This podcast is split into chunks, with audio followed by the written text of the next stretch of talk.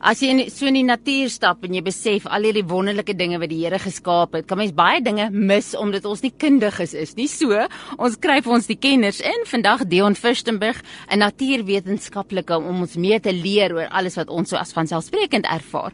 En Dion, die aardvark is toe nou vir jou ook 'n openbaring van die Here. Ja nee, die aardvark wys net vir my die vastigheid en die ewigheid van God se koningskap. Die aardvark is 'n dier, hy skie. Dis 'n nagdier. Hy's eintlik baie onbekend. Min mense ken hom of min het hom al gesien.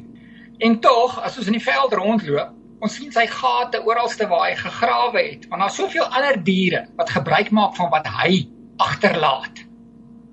Hy los sy gate, die springhase gebruik dit, die eystervarke gebruik dit, ratels gebruik dit, uh hyenas gebruik dit en 'n magdom van ander diere wat daai nalatenis gebruik wat hy agtergelaat het. God se koningskap is vir ewig.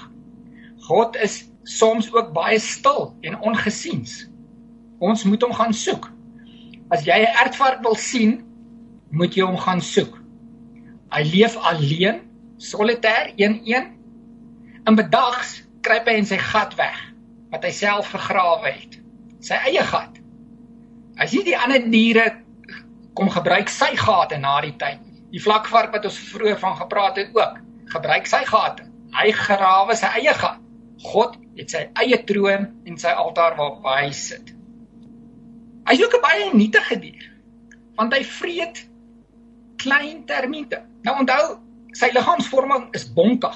Hy's groot, rond, swaar lyf, varkagtige voorkoms. En tog vreet hy termiete klein klein voedselitems. Die kleinste is vir God net so belangrik soos die grootte in sy koninkryk. Maar hy's 'n geweldige sterk dier.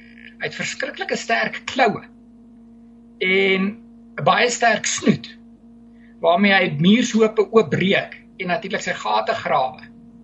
En dan as hy daai muurshoop oopgebreek het, het hy 'n lang tong met 'n taai speeksel op wat hy uitsteek. En hy druk hy tong in die gangetjies in die muurneste in. En dan sit die diere vas aan die speeksel op die tong en trek hy hom terug en mm, dan is 'n lekker happie wat ons aflek van daai tong wat ons skoon maak. So hy's geweldig kragtige dier al is hy so skie. God is groot en kragtig op sy koningskap. Wanneer daar gevaar dreig, dan sal hierdie meneertjie onmiddellik as hy nie naby een van sy gate is nie en die grond is is sag genoeg, sal hy begin grawe om homself weg te grawe. En hierdie dier, hy is so net oor 'n meter lank en omtrent 'n 3 kwart meter hoog, 'n bonkige stukkie lyf. Hy grawe homself in daai grond in binne 1 tot 2 minute dat hy weg is, dat jy hom nie gaan sien nie. Dat hy toe is agter hom. Nou sy gat waar hy bly, sy den. Wat interessant is, het 'n hele paar uitgange nie net een tonnel nie. Hy het twee of drie uitgange waarin hy kan ontsnap, kan uitgaan of besluit watter kant toe hy wil opereer. Nou God in sy mag kan enige oomblik na enige kant toe wend. God is veelsidig. Hy het 'n baie sensitiewe vel, sagte vel, varkagtige vel met min hare. En daarom bly hy bedags ondergronds om weg te kruip van die warm son af vir sy eie beskerming. Maar maak geen fout nie. Hierdie diertjie kan verbasend vinnig hardloop. Met so 'n lang swaar stert wat hy agter hom aansleep. En ja, soos ons vroeër met die vlakvark gepraat het, hy vorm 'n prentjie van sy eie. Ook redelik komieklik, maar standvastig. Vas. Die koningskap van God wat vir ewig is. Jy haal hom nie sommer maklik uit nie. Ja, hulle gaan grawe hulle met honde uit, maar dis die honde wat hom gaan uithaal uit sy gate uit. Maar jy as mens gaan hom nie sommer net uit 'n gat uithaal nie. Hy staan vas. God se skepping en God se grootheid ken geen perke nie. Daar's iets van alles. Ons moet net ons oë oop.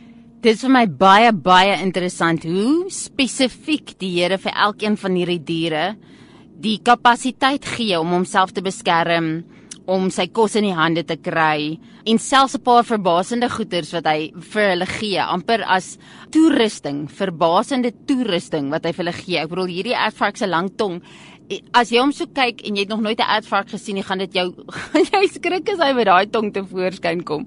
En tog is dit spesifiek so geskape dat dit wat hy moet doen, hy spesifiek daarvoor alles in plek gesit is en God doen presies dieselfde met ons. Hy daai hele Efesiërs 2 wat hy wat hy praat van dat hy ehm um, die goeie werke wat hy vir ons voorberei het, dat ons stap daarin en dat hy spesifiek vir my die talente gegee het en die spesifieke regte geleenthede gegee het en die die wysheid gegee het en jy gaan deur goed jou hele lewe lank om jou voor te berei vir spesifieke goeders is dat die Here presies dieselfde doen as wat hy gedoen het met die aardvark, dat hy jou in jou die goed sit om jou te beskerm, om jou te kan gebruik, om vir jou te kan voorsien as hy so lekker vet raak en goed versorg is soos, soos wat die vlakvark mos nou ook is.